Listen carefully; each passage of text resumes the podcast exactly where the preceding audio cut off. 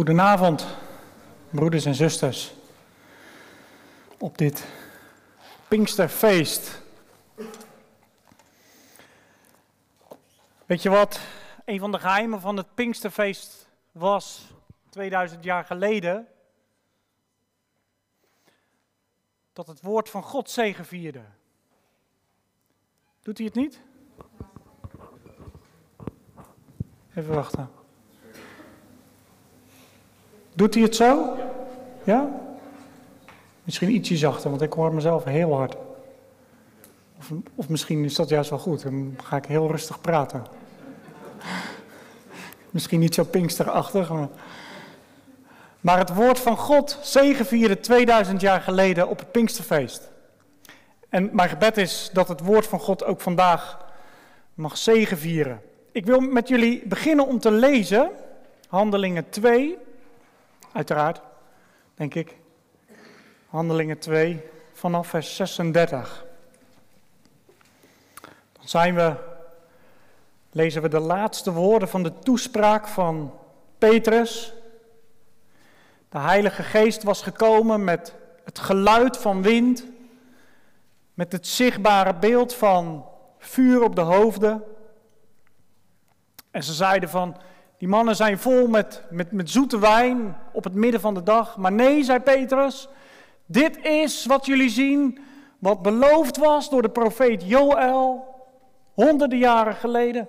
Dit zien jullie nu in vervulling gaan. En hij heeft daar eigenlijk een toespraak gehouden van, wie is de Heer Jezus? En dan eindigt hij met de woorden, dit is Jezus die jullie gekruisigd hebben. Dat gaan we lezen. Het einde van de toespraak van Jezus, vers 36. Laat dan heel het huis van Israël zeker weten dat God hem, dat is de Heer Jezus, tot een heerser en Christus gemaakt heeft, namelijk deze Jezus die u gekruisigd hebt. En toen zij dit hoorden, werden zij diep in hun hart geraakt. En zeiden tegen Petrus en tegen de andere apostelen: Wat moeten wij doen, mannenbroeders? En Petrus zei tegen hen: Bekeer u. En laat ieder van u gedoopt worden in de naam van Jezus Christus tot vergeving van zonde en u zult de gave van de Heilige Geest ontvangen. Want voor u is de belofte, en voor uw kinderen, en voor allen die veraf zijn, zoveel als de Heer onze God ertoe roepen zal. En met veel meer andere woorden legde hij getuigenis af en spoorde hen aan met de woorden: Laat u behouden uit dit verkeerde geslacht. Zij nu, die het woord met vreugde aannamen, werden gedoopt en ongeveer 3000 zielen werden er op die dag aan hen toegevoegd. En zij volharden in de leer van de apostelen en in de gemeenschap, in het breken van het brood en in de gebeden. En er kwam vrees over iedereen. En er werden veel wonderen en tekenen door de apostelen gedaan.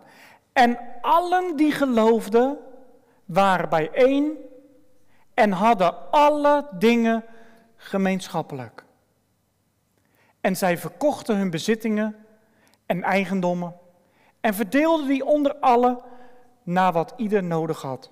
En zij bleven dagelijks eensgezind in de tempel bijeenkomen.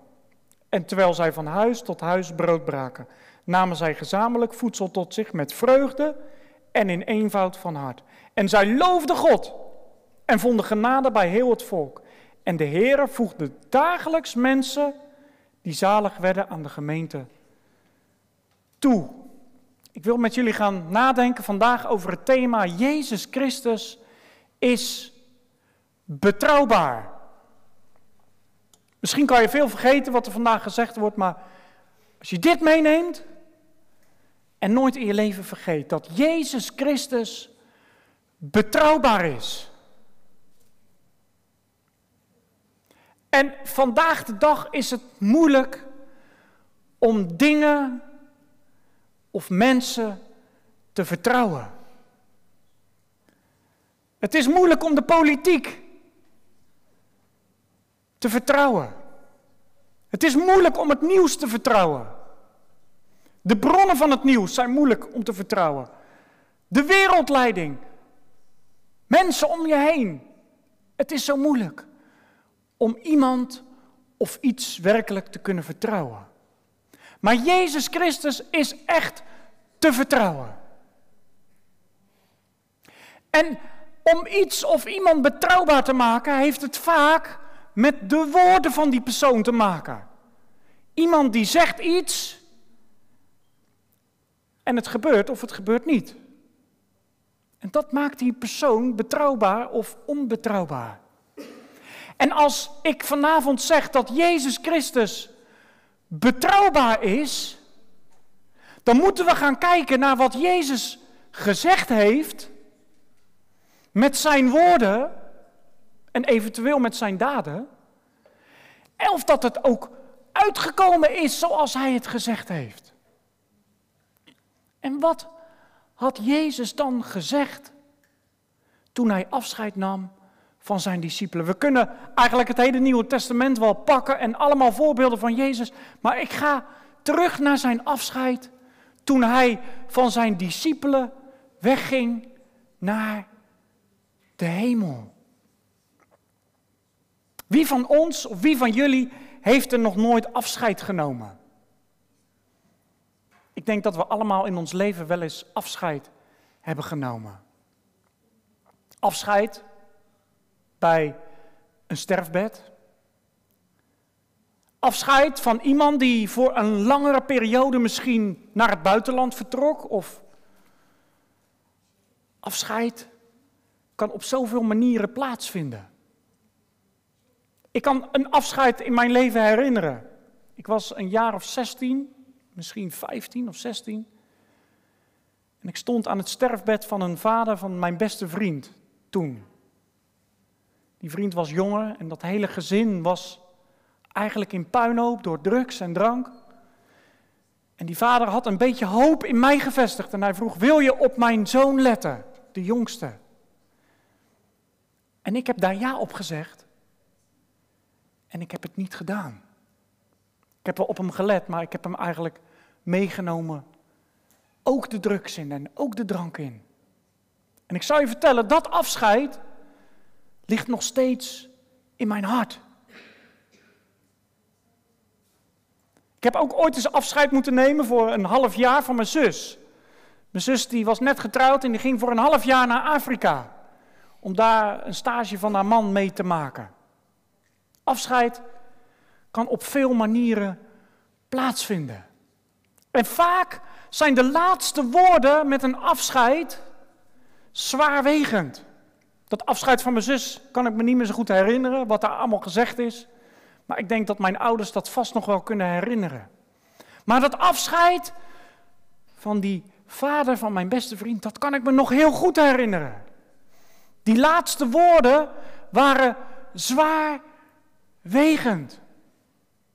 En hoe vaak is het al niet voorgekomen dat iemand misschien in militaire dienst zat en hij zei: Ik kom veilig terug, ik beloof het je.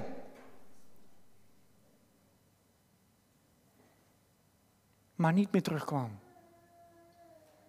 Hoe vaak is het gebeurd dat iemand voor een langere periode, misschien voor zijn werk, naar het buitenland ging en hij zei: Lieve vrouw of lieve man, ik kom terug. Ik zal altijd van je blijven houden. Ik zal je elke week schrijven. Ik zal je elke dag bellen. En het leek wel of dat die persoon met de noordenzon was vertrokken. Liet nooit meer wat van zich horen. Hoe betrouwbaar is iemand met de laatste woorden? Jezus, een van zijn laatste woorden was: Ik zal je niet begeven, ik zal je niet verlaten, ik zal bij je blijven tot aan het einde van de wereld. Matthäus 28. Zie, ik ben met jullie. Een van zijn andere woorden was: Ik ga voor een korte tijd weg, maar ik zal de trooster geven. Een andere naam voor de Heilige Geest.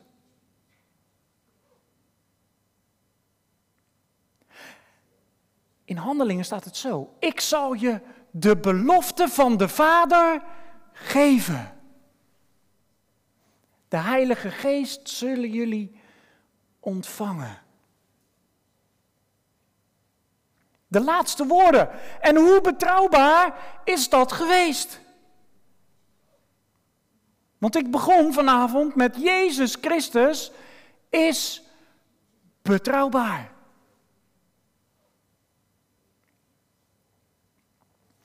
Ik ga daar straks op terugkomen. Hoe zullen de apostelen, die toen nog discipel waren van Jezus, daarmee om zijn gegaan? Zij kenden Jezus als het ware door en door. Drie jaar lang hadden zij met Jezus gewandeld. Hadden zij de woorden en het onderwijs van de Heer Jezus tot zich genomen. En ze hadden Jezus leren kennen als een betrouwbare man. Ze hadden hem leren kennen als een man die te vertrouwen was. Zijn ja was een ja en zijn nee was een nee. En hij had het zelf zo gezegd: Ik ben de weg, ik ben de waarheid en ik ben het leven.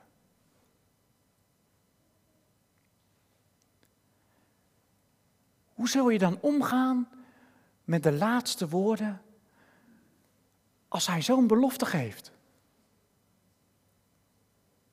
Wat zou uw reactie zijn als Jezus vandaag tegen u zou zeggen: Ik zal altijd bij blijven? Of u zult de trooster ontvangen, de Heilige Geest, de belofte van de Vader. De apostelen kenden het geheim van de woorden van Jezus dat die beloftes van de Vader, de beloftes van de Zoon, in gebed ontvangen moesten worden. Op het moment dat Jezus van hun weg is gegaan, ze hem hebben nagekeken naar de hemel, een wolk die hem weg had genomen, engelen die naar beneden kwamen en zeggen, die Jezus die jullie weg hebben zien gaan, zal terugkomen op dezelfde manier? Zij gingen met elkaar gezamenlijk op hun knieën. En met op hun knieën bedoel ik natuurlijk, gingen ze in gebed. Ja, aan de ene kant hadden ze die betrouwbare woorden. De belofte zelf. Van de belover. Die zijn woord altijd waar maken. En aan de andere kant gingen hun in gebed. Staand op de belofte van mijn Heer en God. Dat was de ene kant. En de andere kant. Heer, geef ons datgene wat u beloofd had. Dat is het eerste. Gebed. En het tweede, ze waren eenparig. Ze vormden een eenheid. En ik ga daar straks nog een keer op terugkomen. Maar hoe belangrijk is het als kerk van Jezus Christus? En niet alleen hier onze plaatselijke gemeente, maar voor de gemeente wereldwijd en ik zou misschien ook wel met nadruk moeten zeggen, als gemeente in Nederland. Met al die kerken en al die denominaties en al die kleuren en al die smaken, dat we met elkaar verenigen, eenparig, in gebed, de belofte van de Vader gaan ontvangen. En zo kwamen zij na tien dagen op het Pinksterfeest. Ik wil jullie graag drie dingen meegeven van het Pinksterfeest. Gewoon dingen die ik wel interessant vind. Het eerste Pinksterfeest was bij de berg Sinaï. Daar werd de wet gegeven. En ik heb daar nog niet zo lang geleden over gesproken wat daar allemaal gebeurde bij de berg Sinaï. Maar er waren woorden van donkerheid, van duisternis, van angst, van zeer te beven. Zelfs Mozes was bang. Daar werd de wet gegeven. Gods wil werd geopenbaard onder donder en bliksem, angst en beven. En bij datzelfde Pinksterfeest, dat eerste Pinksterfeest, werden er 3000 mensen gedood. Wie van de kinderen weet wat daar gebeurde? Dat er 3000 mensen moesten sterven. Bij de berg Sinaï. Wat gebeurde daar? De Israëlieten maakten een beeld van een gouden, gouden kalf. En ze gingen zich niet meer buigen voor de God die daar net geopenbaard was. Waarvan ze zeiden van, daar willen we niet meer tegen praten. Mozes, praat u alstublieft met die God, want wij kunnen zijn stem niet horen. En vervolgens gingen zij buigen voor een gouden kalf. 3000 mensen verloren daar het leven. En vervolgens werd het Pinksterfeest ingesteld als een oogstfeest. Aan het einde van de oogst, of het begin van de oogst, werd een deel van de eerste opbrengst werd meegenomen naar het huis van de Heer, de tempel of de tabernakel, werd daar binnengebracht als de eerstelingen van de oogst. En deze twee aspecten zijn heel belangrijk om te begrijpen wat er gebeurde, zoals wij dan zeggen, op de eerste Pinksterdag. Of de vervulling van het Pinksterfeest. Want als eerste werd daar de wet gegeven, niet meer een wet op stenen tafels, maar werd de wet gegeven door de Heilige Geest in de harten. Kunnen dat lezen in Ezekiel. Ik zal een nieuw verbond met jullie sluiten. Ik zal een nieuwe geest in jullie binnenste geven.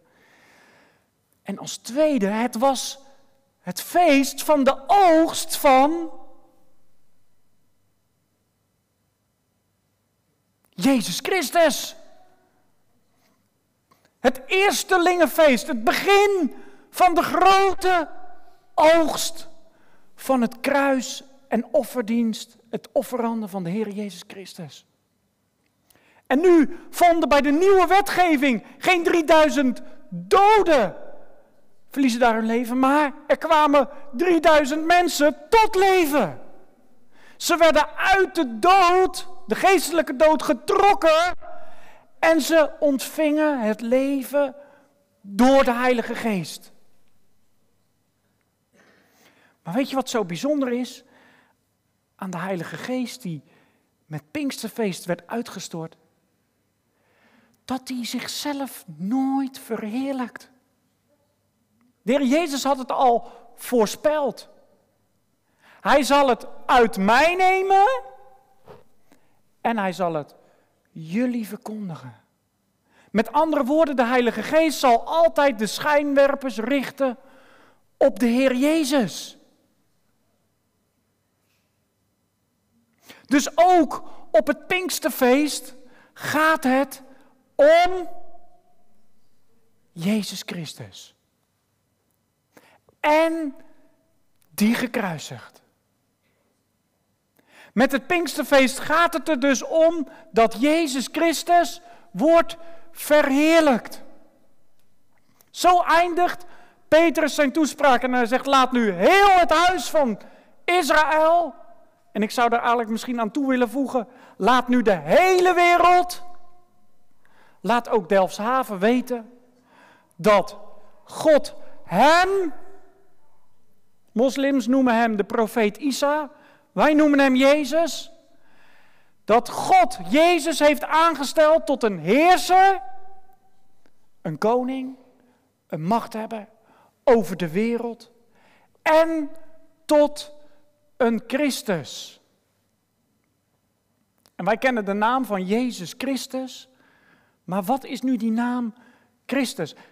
Hij heeft hem gemaakt tot een heerser en tot een Christus. En ik wil dat toch een keer helemaal hebben uitgelegd. Omdat het belangrijk is om dat te weten. Wat is nu Christus? Christus kennen wij als de gezalfde. Maar Christus betekent eigenlijk niks anders als Messias. Het Hebreeuwse woord wat wij kennen, waar de Joden vandaag de dag nog steeds op wachten, de orthodoxe Joden, behalve de Messias beleidende Joden, en waar het hele Oude Testament naar verlangd heeft, de Messias. En de Messias, dat betekent eigenlijk degene die van God gezalfd is, met zalfolie. En wat had Jezus in de synagoge gezegd? De geest van de Heere, Heere is op mij. Omdat Hij mij gezalfd heeft. Kijk, daar heb je hem. Daar is de gezalfde, de Messias, die vervuld was met de Heilige Geest.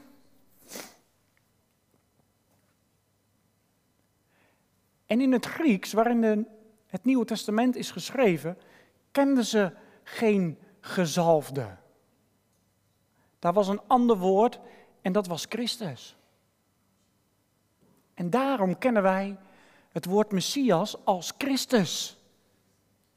Dus als God hem heeft aangesteld tot Christus, dan betekent dat dat God de Heer Jezus heeft aangesteld tot de gezalfde met de Heilige Geest.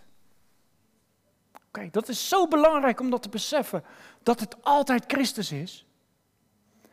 Maar nu, maar nu, zegt Petrus, bekeer u, en dat is, de, dat is hetgeen wat tot ons komt vanavond, tot mij en tot u.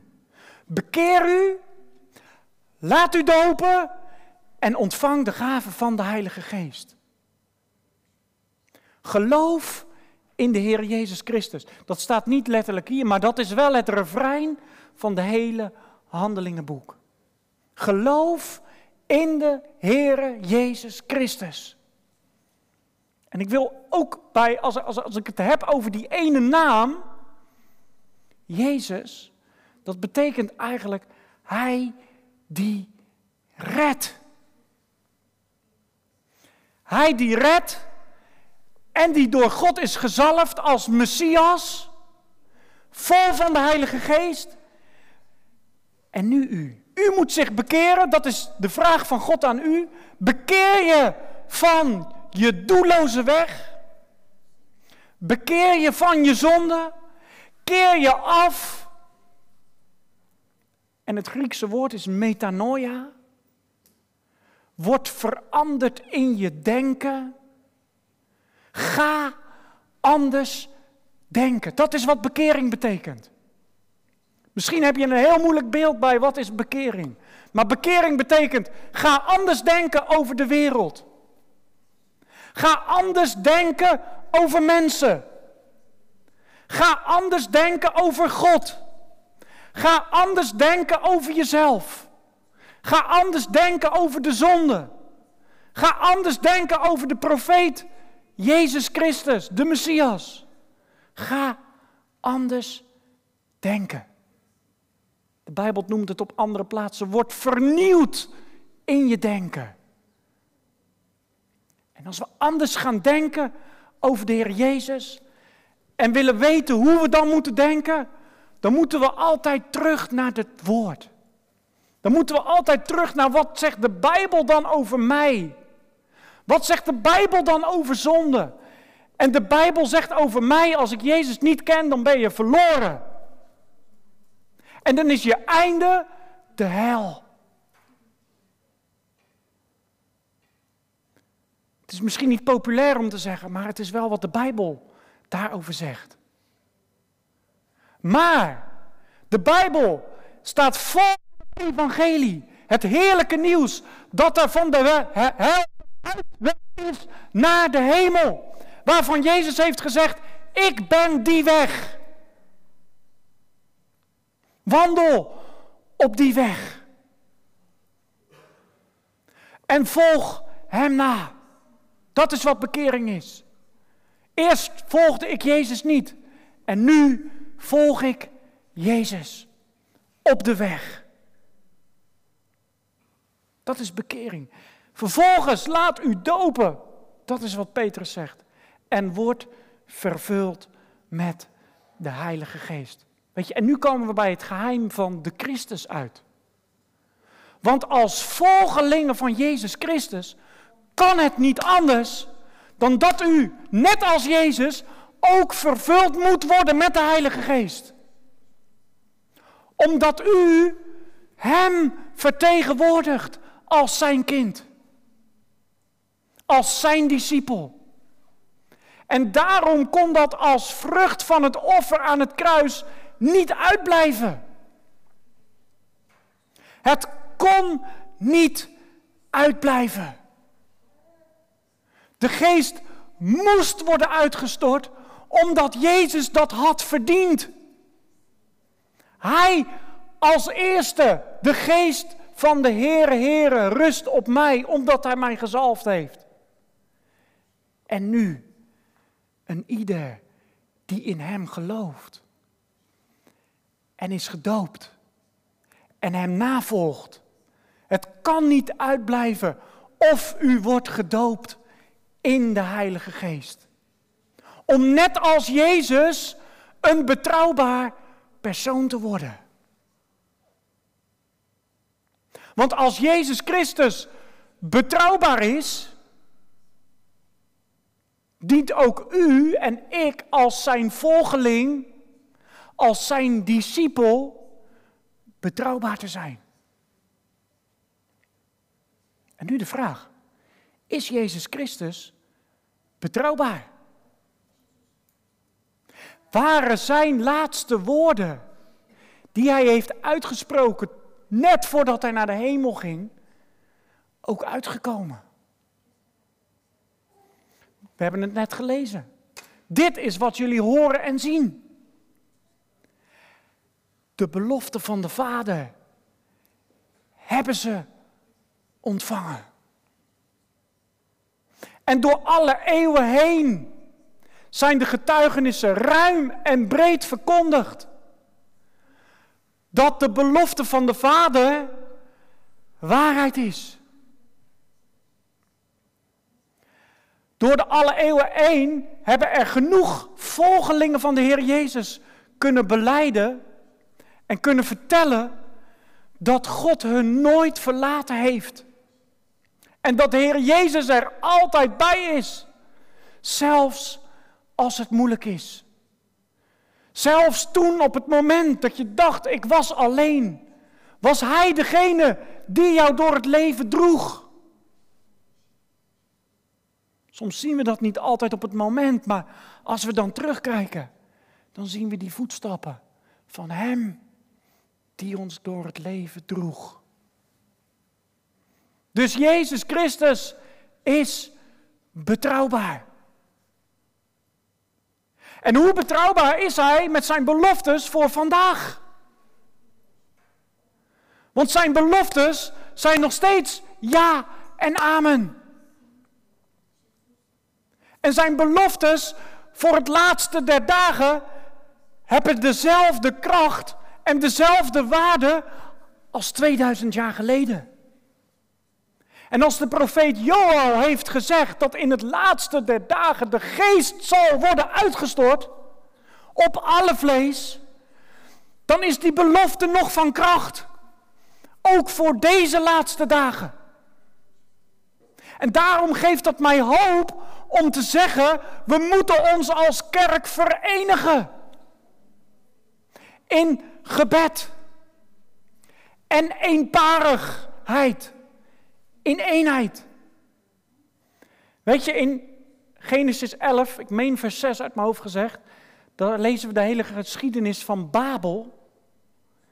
Dat ze tegen elkaar zeggen van, weet je wat, we willen hier een hele grote stad gaan bouwen. En we willen een eenheid gaan vormen. En we willen dat niet alle mensen over de hele wereld verspreid raken, maar dat alle mensen ons hier kunnen vinden. En wat zegt God daar? Zij vormen een eenheid. En nu zal voor hen niets onmogelijk zijn. Wauw. Dat zegt God. Hoeveel te meer voor de kerk van Jezus Christus die zich verenigt in gebed om de beloftes van God uit te gaan bidden. De beloftes van een krachtig werk van de Heilige Geest in onze dagen.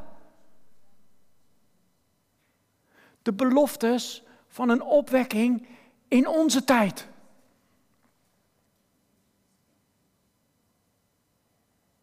Weet je trouwens, dat is ook wat we gelezen hebben, dat dat het gevolg was van die opwekking, van die Pinkster geest die werd uitgestort.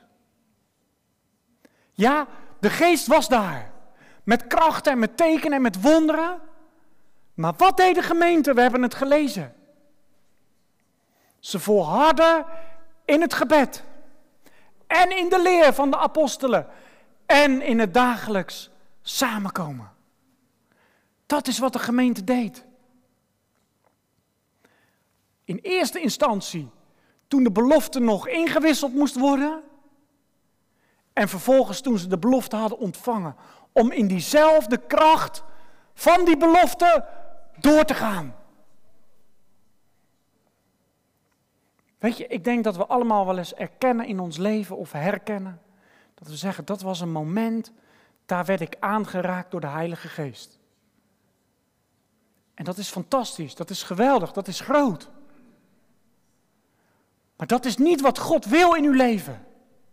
God wil van dat ene moment een moment maken wat doorgaat uw leven lang. Tot de laatste dag. Tot de dag dat Jezus terugkomt. Hij heeft zijn geest niet voor niets gegeven. Het is niet soort van, nou, uh, ik rij eens even bij de McDrive langs en ik neem wat. En zo, het was leuk geweest, het was lekker. Maar hij heeft het gegeven om ons te bekrachtigen, inwendig. En om in diezelfde geest te wandelen als een heilige discipel. Met het verlangen om de Heer Jezus Christus te verheerlijken en groot te maken. Dat is één. Want het gaat om Jezus, die betrouwbaar is. En twee, om ieder die nog niet bij Hem hoort, er bij de hand te slaan en te zeggen: Kom, ga met mij. En doe als mij. Paulus die kon het zeggen: Wees mijn navolger. Met andere woorden, hij zei: Ik doe als Jezus. Doe net als mij, want dan doe jij ook net als Jezus. En als u vandaag iemand tegenkomt op de straat, kan je dan zeggen: Doe als mij. Volg mijn voetstappen. Paulus wist. Zijn einde was Jezus Christus. Kunt u net als Paulus zeggen: Mijn einde is Jezus Christus. Want mijn doel heb ik scherp voor ogen. En daarom loop ik die wedloop. Niet omdat ik zo'n krachtpatser ben, maar omdat de geest mijn zwakke lichaam de kracht geeft. Hoe gaat u door het leven? Altijd kijken naar wat u mankeert en wat u voelt? Of zeg je in je zwakte, wie zwak is zegt, ik ga staan in de kracht van Jezus' naam. O kerk, sta op. Stel je op als Christus leger. En wie zwak is, die zegt: Ik ga staan. Want zo wil God zijn kerk toerusten. Ook vandaag het is geweldig om Pinksterfeest te vieren en te zeggen: Wauw, wat was het mooi toen en toen. Maar wat zegt het je dan nog vandaag? Als Jezus Christus gisteren en vandaag en tot in alle eeuwigheid dezelfde is. En als God heeft gezegd, ik ben die ik ben, dan is ook de Heilige Geest dezelfde. Want hij gaat van de Vader en de Zoon uit.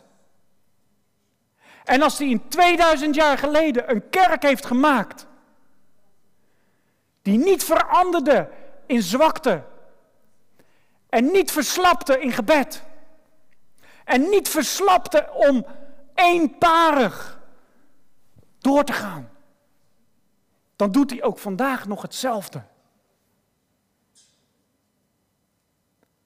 Of willen we meer kijken naar wat die kerk allemaal verkeerd doet? En naar wat die broeder en zuster nog moet veranderen in zijn leven? En wat, wat daar allemaal nog niet misgaat? Of gaan we met elkaar de handen ineens slaan en zeggen we hebben Jezus nodig? We moeten de wereld veranderen. We moeten gaan in die geestkracht. En we hebben het niet. Daarom gaan we nu eenparig verlangen en staan op zijn beloftes. We gaan zijn beloftes inwisselen in het gebed. En we gaan met elkaar verlangen naar die machtige opwekking. Naar die machtige beroering die beloofd is door de profeet Joël. Ik zal mijn geest uitgieten in het laatste der dagen. En dan kunnen we werkelijk zingen. De woestijn zal bloeien als een roos.